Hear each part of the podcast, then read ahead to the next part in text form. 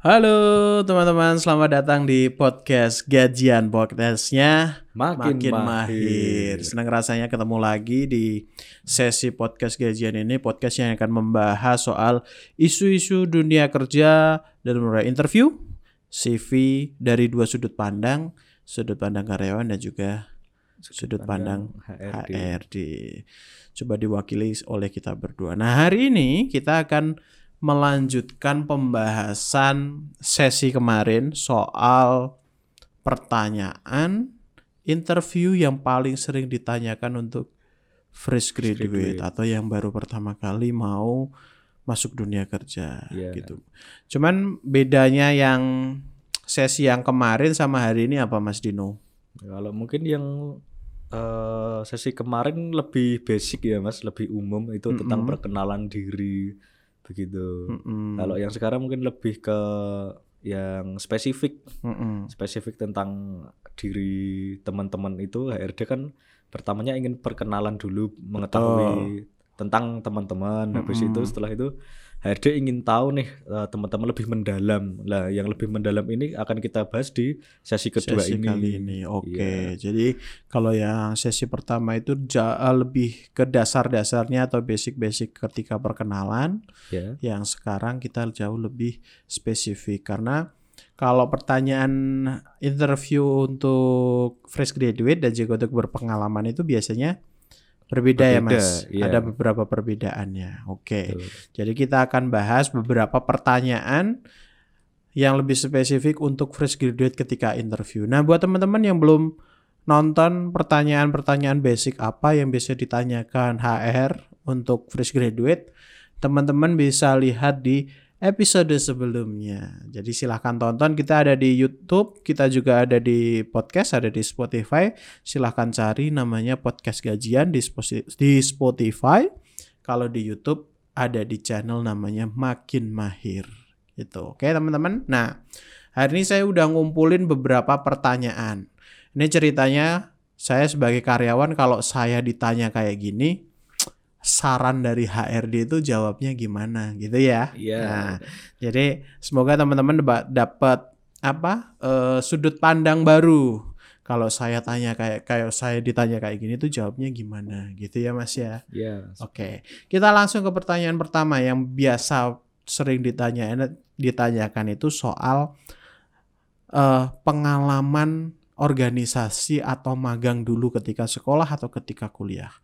Nah itu kalau sebagai fresh graduate mungkin kita jawabnya harus sesuai pengalaman benar-benar sesuai pengalaman misal ya saya dulu cuman ikut ekstrakurikuler ini atau saya cuman ikut OSIS, saya cuman gini atau gimana jawabnya? Harusnya seperti apa? Ya kemungkinan ketika HRD melihat uh, CV kita, kemudian kita mencantumkan pengalaman organisasi, pengalaman magang atau pengalaman ekstrakurikuler Ya. atau pengalaman apa pun lah itu, Mm-mm. biasanya kita akan ditanya uh, ceritakan uh, coba ceritakan pengalaman Anda selama mengikuti kegiatan tersebut. Ah, Oke, berarti kita yang pertama kita lakukan lebih ke menceritakan job desk kita dulu nih. oh tugas. Ya, tugas desk atau ketika tugas kita, kita dulu. ngelakuin itu gitu ya. Ya, semisal kita waktu sekolah atau kuliah pernah mengikuti organisasi apa ya eh, seperti Rohis misal. Rohis. Rohis ya. anak, anak Rohis. Anak Rohis, oke. Enggak, anak, anak Rohis baik kok. Iya, Anak baik. Rohis itu baik, alim, terbaik lah. Baik, oke. Eh, saya eh, saat itu diposisikan sebagai misal eh, sekretaris misal Ya, ya, misal. sekretaris. Saya posisinya sekretaris dan tugas saya eh, melakukan misal surat menyurat, mengetik, Mm-mm. kemudian eh, ketika itu juga menginput data, Mm-mm. begitu. Nah, kemudian jangan lupa diceritakan. Nanti kemu- kemungkinan akan HRD akan bertanya eh, apa konf- eh, yang menjadi kendala Anda atau ceritakan konflik yang pernah terjadi atau ceritakan kesulitan Anda selama menjadi sekretaris di organisasi Rohis. Oh gitu. Ya, sementara itu juga eh, kemudian setelah kita menjelaskan tugas kita, kita juga eh, perlu nih kita jelaskan, oke kesulitan kita di mana. Ya. Oke, ketika sudah menceritakan kesulitan, kita juga ceritakan bagaimana sih cara kita untuk mengatasi kesulitan tersebut. Oke. Oke, setelah menceritakan kesulitannya, kita juga tentu dong kalau kita sudah berusaha mengatasi, kita juga perlu melihat hasilnya bagaimana. Oh, apakah berhasil atau enggak Iya, gitu apakah ya. berhasil atau enggak. Jadi uh, tujuan HRD bertanya seperti itu untuk mencari tahu bahwa uh, bagaimana sih cara kita menyelesaikan permasalahan Mm-mm. dan hasilnya tuh bagaimana sih sesuai Hmm. harapan atau tidak begitu. Jadi yang pengen HRD lihat itu kalau misal kita ikut organisasi atau kita pernah magang gitu ya. Ya. HRD itu pengen lihat ini dulu ketika magang tuh dia ngapain sih? Iya. Pengalamannya seperti apa?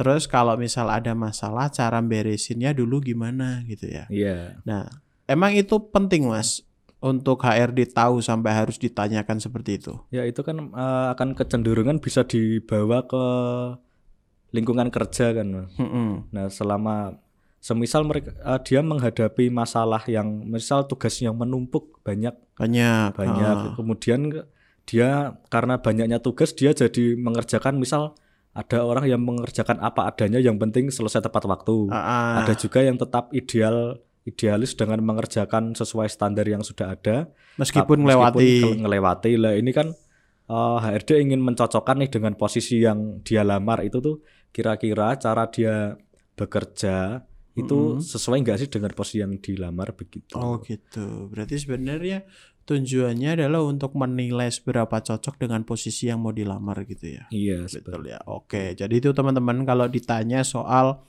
pengalaman organisasi, pengalaman magang gitu, ceritain teman-teman dulu pengalaman magangnya di mana, di bagian apa, terus dulu sistem kerjanya seperti apa, atau kalau di organisasi posisinya apa, diceritain. Kalau ada prestasi di organisasi itu ya ceritain boleh ya. boleh Boleh ya, Iya, itu boleh. itu bisa bisa menjadi nilai plus. Jadi eh, keuntungannya teman-teman kalau aktif di organisasi dan juga misal magang itu enak ceritanya tuh. ya kita jadi punya pengalaman Jadi kan pengalaman. sebelumnya Cuman kalau misal bener-bener eh, sekolah istilah kan ada ya yang yang bener-bener pasif yang cuman pagi berangkat siang pulang udah selesai gitu doang. iya Itu gimana tuh mas? Kalau ngadepi orang yang ketika ditanya saya nggak punya pengalaman apa-apa tuh gimana tuh? Oke, kalau bener-bener kalian yang sekolah habis sekolah langsung pulang Ah, ah. habis kuliah langsung pulang kupu-kupu seperti itu kuliah pulang kuliah Oh, pulang Oh, kupu-kupu. Iya. Oh, ku- kupu-kupu ya. Jangan ditambahin malam ya. Iya, kupu-kupu aja kuliah pulang, Kupu-kupu, kuliah pulang. Kuliah oke. pulang, kuliah pulang gitu ya. Kalau begitu berarti di CV kita kemungkinan tidak ada ya pengalaman bekerja atau pengalaman Mm-mm. organisasi sebelumnya. Oke, mungkin eh, ketika ditanya HRD eh, pengalaman apa yang bisa di- eh, ditanyakan ya, Mm-mm. dan menceritakan. Oke, kita bisa menceritakan misal kegiatan yang kita sukai seperti Kegiatan hobi. sehari-hari. Kegiatan sehari-hari hobi kita tuh apa sih? Nah, nanti Hmm. mungkin dari HRD bisa mengembangkan eh, dari hobi Anda saudara itu eh, apa yang membuat apa ya apa kesul kesulitan-kesulitan yang dia- dihadapi Dihadapi. untuk melaksanakan hobi tersebut. Mungkin kita- Mm-mm. kita juga bisa menceritakannya. Oke. Kayak hobi kita apa sih? Kemudian kesulitannya apa? Untuk mengatasi kesulitan itu bagaimana? Mm-mm. Kemudian hasilnya apa? Oh gitu. Gitu. Berarti buat teman-teman yang memang nggak punya pengalaman organisasi atau magang bisa dijawab tuh dengan hobi Dengan atau hobinya. kegiatan sehari-hari. Kegiatan Mungkin bisa sehari-hari. jadi di sekolah pasif tapi di rumah atau di lingkungan rumah aktif banget di remaja bisa ya. Iya. Bisa. betul. Oke, itu pertanyaan pertama ya teman-teman. Biasanya yang kedua nih, yang sering juga ditanyakan untuk fresh graduate itu soal eh, apa yang coba Anda lakukan ketika berada di lingkungan baru. Nah, ini pertanyaan Oke. yang yang sebenarnya itu eh, penting untuk fresh graduate ditanyakan untuk fresh graduate karena perpindahan dari lingkungan sekolah ke lingkungan kerja itu jelas hal yang berbeda ya, Mas ya. Benar. Nah, berbeda. kalau ditanya kayak gitu tuh, biasanya fresh graduate baiknya menjawabnya seperti gimana? Oke, ini berarti berkaitan dengan adaptasi proses adaptasi kita di tempat baru ya. Betul. Oke, kalau misal ditanya oleh HRD seperti itu, oke lah kalau kita basic kita adalah orang yang ekstrovert Oh, atau ya. orang yang mudah bergaul. Nah, Seperti itu mungkin bagi bagi kita yang ekstrovert bukan masalah yang besar ya untuk Betul. berga- bergabung atau berbaru di tempat yang baru. Betul. Namun bagaimana kalau kita tuh orangnya malu-malu, orangnya nggak terbuka, Nah, kayak kayak saya saya itu pemalu. nah, nunggu orang orang lain me- menyapa kita dulu. Ah, ah, ah, ah. Nah, seperti itu.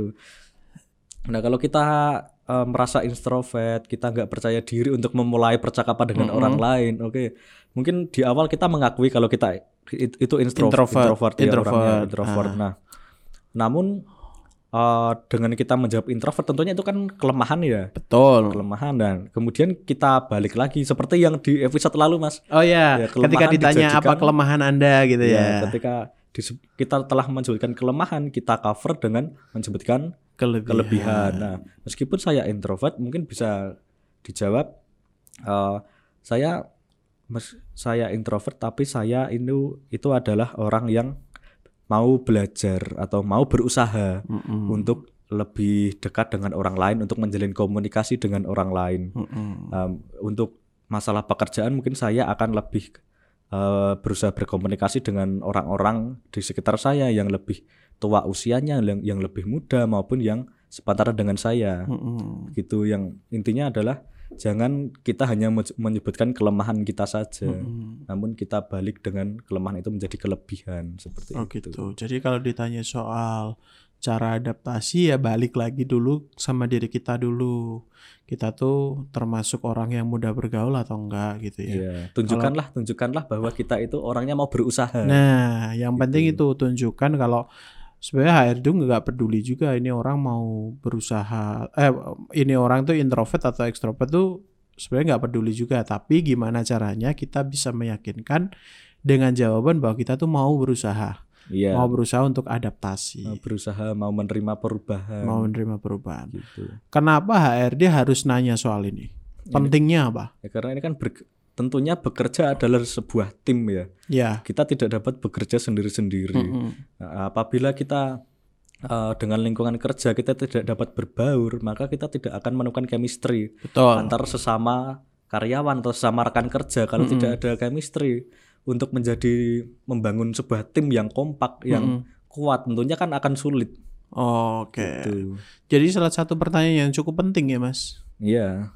Pertanyaan yang cukup penting, jadi teman-teman harus hati-hati jawabnya gitu. Tunjukkan bahwa teman-teman akan berusaha semaksimal mungkin untuk bisa adaptasi gitu ya. Iya benar. Gitu. Oke, mungkin bisa dijawab misal kalau misal pas istirahat itu saya akan coba untuk deket sama senior Ya atau banyak sama cara, Mas. sama rekan kerja gitu ya Iya. untuk ngobrol di luar jam kerja biar lebih deket gitu. Ya, eh, pintar-pintar kalian saja bagaimana caranya untuk bisa bergaul dengan orang kan Betul. banyak cara kan seperti ketika Betul. istirahat kita em, mendekati mungkin nggak semuanya langsung kita dekati Iya. ya mungkin satu dua orang yang kita lihat wah ini kayaknya si Mas ini atau Mbak ini cocok untuk ngobrol Ah, ah. oke kita ngobrol dengan salah satunya aja Betul. kemudian setelah itu besok eh, kan pastinya akan bertambah nih orang teman-teman yang akan dekat dengan kita Mm-mm. gitu nggak harus semuanya dalam satu waktu kita dekati Betul. semua Jadi bertahap, gitu ya, Bertahap. bertahap dan Iya. dilihat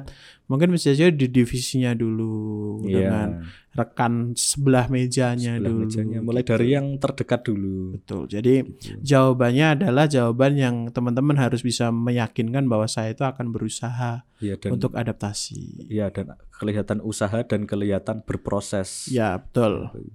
Karena kalau sampai nggak bisa komunikasi juga repot. iya Ya. Oke. Kemudian pertanyaan yang paling sering selanjutnya ditanyakan adalah apa pencapaian atau prestasi terbaik Anda selama ini? Mungkin kalau Oke. untuk fresh graduate lebih ke akademik bisa jadi atau non akademik juga non bisa akademik juga bisa jadi. Iya. Nah, itu jawabnya gimana? Mungkin kalau yang udah punya prestasi bisa ya. Oh, saya Oke. pernah juara ini nih. Saya Iya. pernah ikut lomba ini atau nih. mungkin nilai ujiannya atau IPK-nya tinggi Iki nih.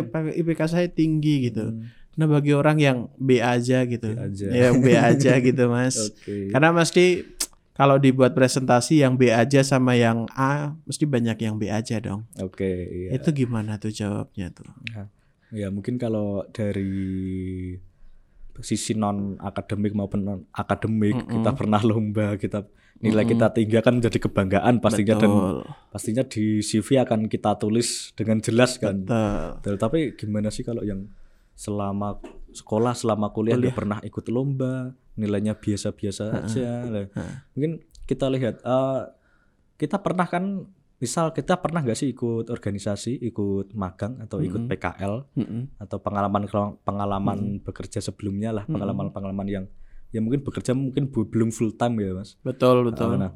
Kita lihat semisal ini eh, saya kasih contoh aja ya. Iya, Oke, contohnya. kem- eh, saat eh, saya pernah magang di eh, kantor X misal, Iya. posisi saya sebagai mungkin sebagai admin, Iya. oke sebagai admin. Nah, eh, selama menjadi admin, eh, ketika itu masih serba manual input-inputnya, Mm-mm. oke. Dan ketika saya magang di sana, eh, ada sejumlah rekan saya atau atasan saya yang sedang merubah input manual itu menjadi input yang Otomatis. otomatis atau memiliki sistem sistem baru. Nah di situ saya ikut belajar, Hmm. ikut belajar. Jadi kemampuan saya yang awalnya dari manual menjadi serba otomatis menjadi sistem. Nah bagi saya itu prestasi Pak atau Bu. Kenapa? Soalnya eh, orang-orang di tempat lain kemungkinan tidak akan mendapatkan pengalaman seperti saya. Oh, gitu. Nah, begitu.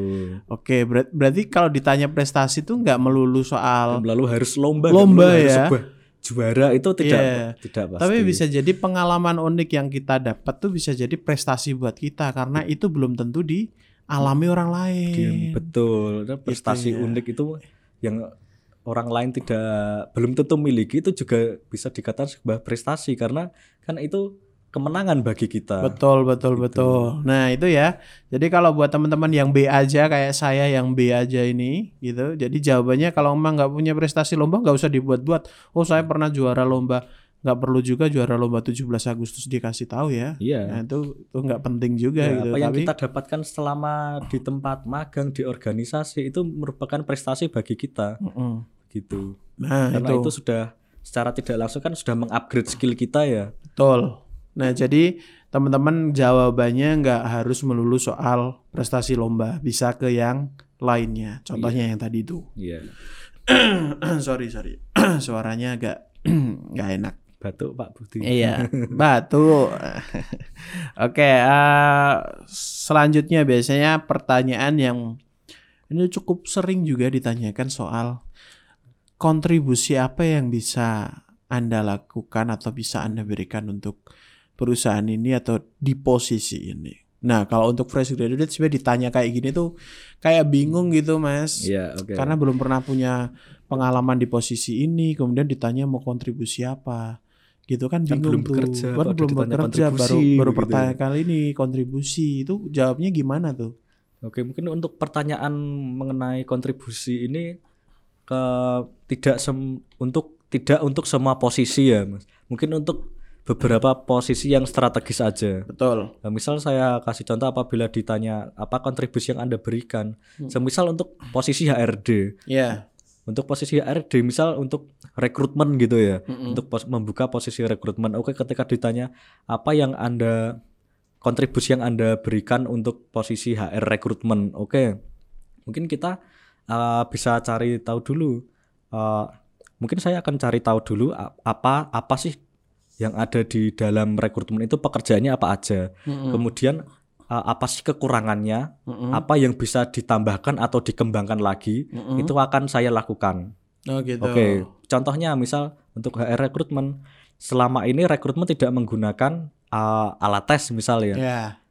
Nah, setelah ini saya ingin berkontribu- berkontribusi untuk me- mengadakan atau mengajukan sebuah alat tes untuk supaya ketika melakukan proses rekrutmen itu akan lebih ideal lagi. Itu contohnya begitu. Nah, it- namun untuk seperti posisi-posisi yang Umum. umum, posisi umum yang setiap harinya ya kerjaannya ya sama terus. Misal Iya. ya admin ya misal, Misal admin, kemudian sales. sales ya, Gitu. begitu itu ya. jawabnya biasanya gimana tuh untuk pekerjaan-pekerjaan Nah, kayak seperti gitu? itu kan eh, itu sebenarnya kita lihat dulu nih sales itu kan sales admin itu kan setiap hari pekerjaannya sama ya? Sama. sama ya itu kita eh, kita mu- mungkin tidak akan membicarakan seperti yang di HR rekrutmen tadi yang saya akan menambah ini Iya menambah iya iya ini iya. ya Nah, seperti itu kita lihat dulu apa sih yang sudah dilakukan di, di untuk posisi di orang-orang sebelumnya di posisi ini.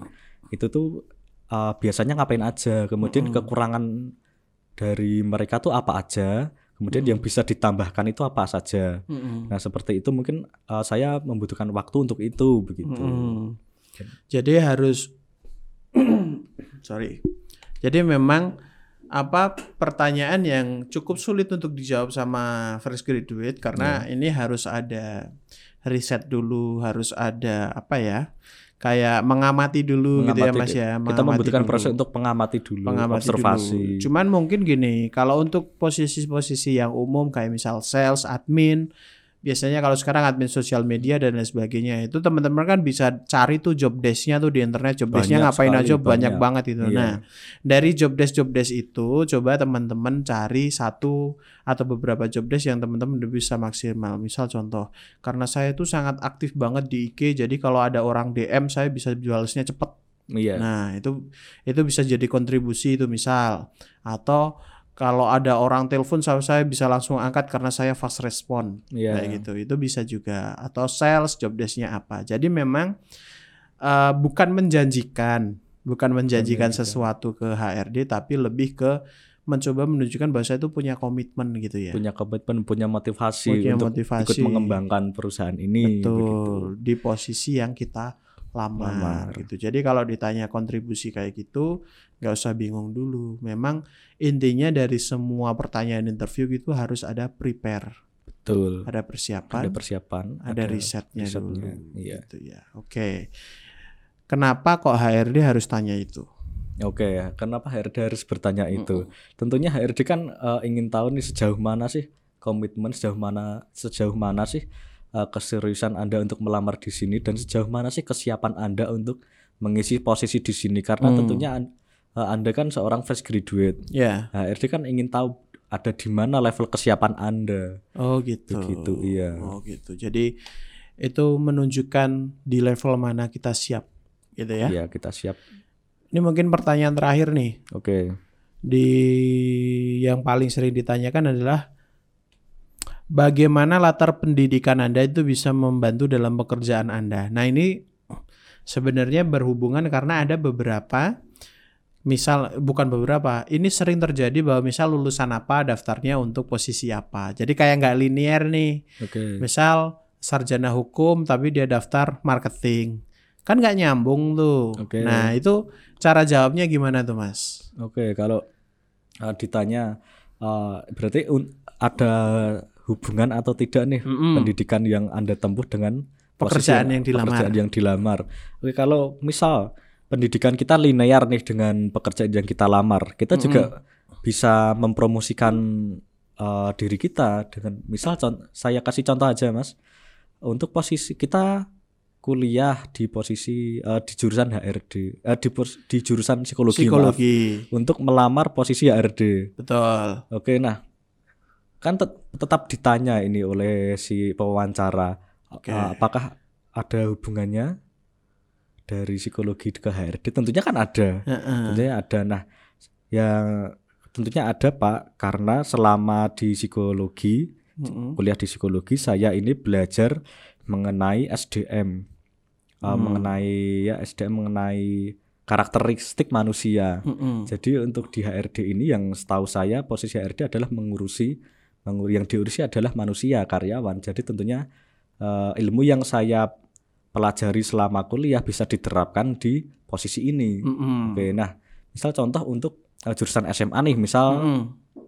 eh, misal ya IPS ya, Ya. kita, kita IPS dan melamar di posisi mungkin ada yang HRD posisinya juga membutuhkan SMA, mungkin ada, mungkin, untuk Mungkin. magang mungkin ya. Mungkin mungkin. Mungkin, tapi bisa aja terjadi. Nah, eh, saya di belajar di IPS ke- em, mempelajari tentang sosial Heeh. Ya, di H- eh, mungkin untuk bu- bukan untuk posisi HRD, Heeh. posisi yang lain posisi eh, sales marketing misal ya, Misal. sosial marketing. Nah, ketika di kuliah sekolah di SMA di ilmu pengetahuan sosial itu saya mempelajari tentang sosiologi Nah, betul. sosiologi ini kan meng- mempelajari mengenai uh, ke- budaya-budaya manusia. Betul. Budaya manusia. Nah, untuk posisi marketing ini saya rasa bisa dipakai karena selama ini uh, bisa digunakan karena untuk marketing kita saya bisa meriset nih meriset yeah, yeah. misal meriset pasar, pasar. ya meriset pasar saya jadi tahu tentang budaya-budaya masyarakat nih untuk mm -hmm. yang pas untuk produk saya itu di mana. Hmm, seperti betul, itu. betul, betul. itu kalau linear kalau linear ya kalau nggak linear kalau nggak linear nih mana nih? Udah nggak cocok. Saya jadi insecure nih oh, iya, apa nggak iya. jadi ngelamar aja ya? Iya. ini ya jangan. Seperti itu ya jangan. Kita harus tetap optimis. Nah, kita bisa saja misal uh, jurusan saya apa ya? RPL misalnya ya, untuk misal SMK RPL, ya, ya RPL tapi saya melamar untuk posisi Hmm, apa kira-kira? Sosial media. Sosial media nih. Iya. Kan nggak nyambung ya. Nggak nyambung ya. Nah. Coding sama uh, sosial media itu kan nggak nyambung gitu ya. Gak nyambung. Oke, misal uh, kita memiliki pengalaman, tapi kita memiliki pengalaman nih di mm -hmm. organisasi misal. Uh, selama di organisasi saya uh, memegang sosial media organisasi saya. Misal oh. organisasi saya Rohis punya Instagram yeah, yeah. nih. Oh, yeah. Oke, punya Instagram. Nah, selama itu yang mau menjadi admin adalah saya yang uh mengiklankan kegiatan-kegiatan organisasi saya adalah saya uh nah, jadi saya meskipun jurusan saya tidak uh, linear dengan posisi yang saya lamar tetapi saya punya pengalaman. sebuah pengalaman oh, yaitu gitu. menjadi admin media sosial nah yeah. ini saya rasa akan uh, nyambung dengan posisi yang saya lamar saat ini. Oke, berarti gitu. sebenarnya sama nih teman-teman. Tekniknya tuh kayak gini. Kalau kita punya kelemahan, ya harus dikonter dengan kelebihan. kelebihan. Jangan cuma ngomongin soal kelemahan. Kalau memang secara pendidikan kita nggak linear dengan pekerjaan yang mau kita lamar, ya harus dikonter dengan sesuatu yang menguatkan bahwa kita tuh sebenarnya cocok loh untuk pekerjaan kayak ya, gitu. betul. Nah, kenapa sih kita harus minimal kalau nggak linear pendidikannya kita mm -hmm. linear dengan pengalaman yang sudah kita nah, miliki. Betul. Nah, itu kan akan menjadi nilai tambah kita Plus. di depan HRD karena hmm. kalau kita sudah tidak linear tidak memiliki lini kelinearan pendidikan. dari pendidikan serta dari pengalaman, pengalaman juga, juga tidak linear punya. kan dari kandidat-kandidat yang lain yang mungkin linear atau memiliki pengalaman kita nilainya akan kalah nih dengan Betul. pesaing kita. Karena gini teman-teman, perusahaan itu nyari fresh graduate itu bukan berarti bener-bener yang nol ya. Iya. Yeah. Bukan berarti yang bener-bener basic gak bisa apa-apa, nggak nggak mungkin juga perusahaan mau kayak gitu gitu ya. Mereka uh. juga akan mencari fresh graduate yang punya kualitas. Jadi uh. kalau teman-teman sekarang lagi mau cari kerja dan coba dilihat CV-nya masih banyak yang bolong, masih yeah. banyak yang kosong, ya yuk di diisi dengan beberapa kegiatan yang lebih produktif betul. gitu ya Mas Dino iya, ya. Betul. Jadi itu tadi poinnya adalah uh, kalau jadi fresh graduate memang ada beberapa pertanyaan-pertanyaan khusus tadi udah kita bahas ada lima tadi yang sebelumnya juga ada pertanyaan basic sudah kita bahas jadi iya. harapannya teman-teman fresh graduate yang hari ini mau kerja atau lagi cari kerja uh, podcast kita bisa membantu menjawab beberapa apa ya kemungkinan-kemungkinan hmm, yang eh, akan muncul nih. Yang akan muncul. Uh, muncul ya. Syukur-syukur muncul. muncul. Tapi sekali lagi apa yang kita bicarakan, apa yang kita sarankan itu berdasarkan pengalaman. pengalaman. Jadi silahkan kalau teman-teman suka diambil, kalau teman-teman tidak suka tidak usah diambil. Kalau misal teman-teman mendapatkan insight lain dari sumber yang lain juga nggak apa-apa. Nggak apa-apa. Gitu ya. Iya. Karena tujuan kita cuman mengedukasi. Jadi itu tadi podcast gajian untuk sesi kali ini. Kita masih akan ketemu lagi di podcast gajian selanjutnya akan membahas banyak hal. Ya Mas ya. Iya. Dari mulai interview, CV dan lain sebagainya soal dunia kerja. Dan jangan lupa subscribe channelnya kita di Makin Mahir dan juga follow Spotify kita, akun podcast kita podcast gajian. Terima kasih, sampai jumpa lagi. Dadah.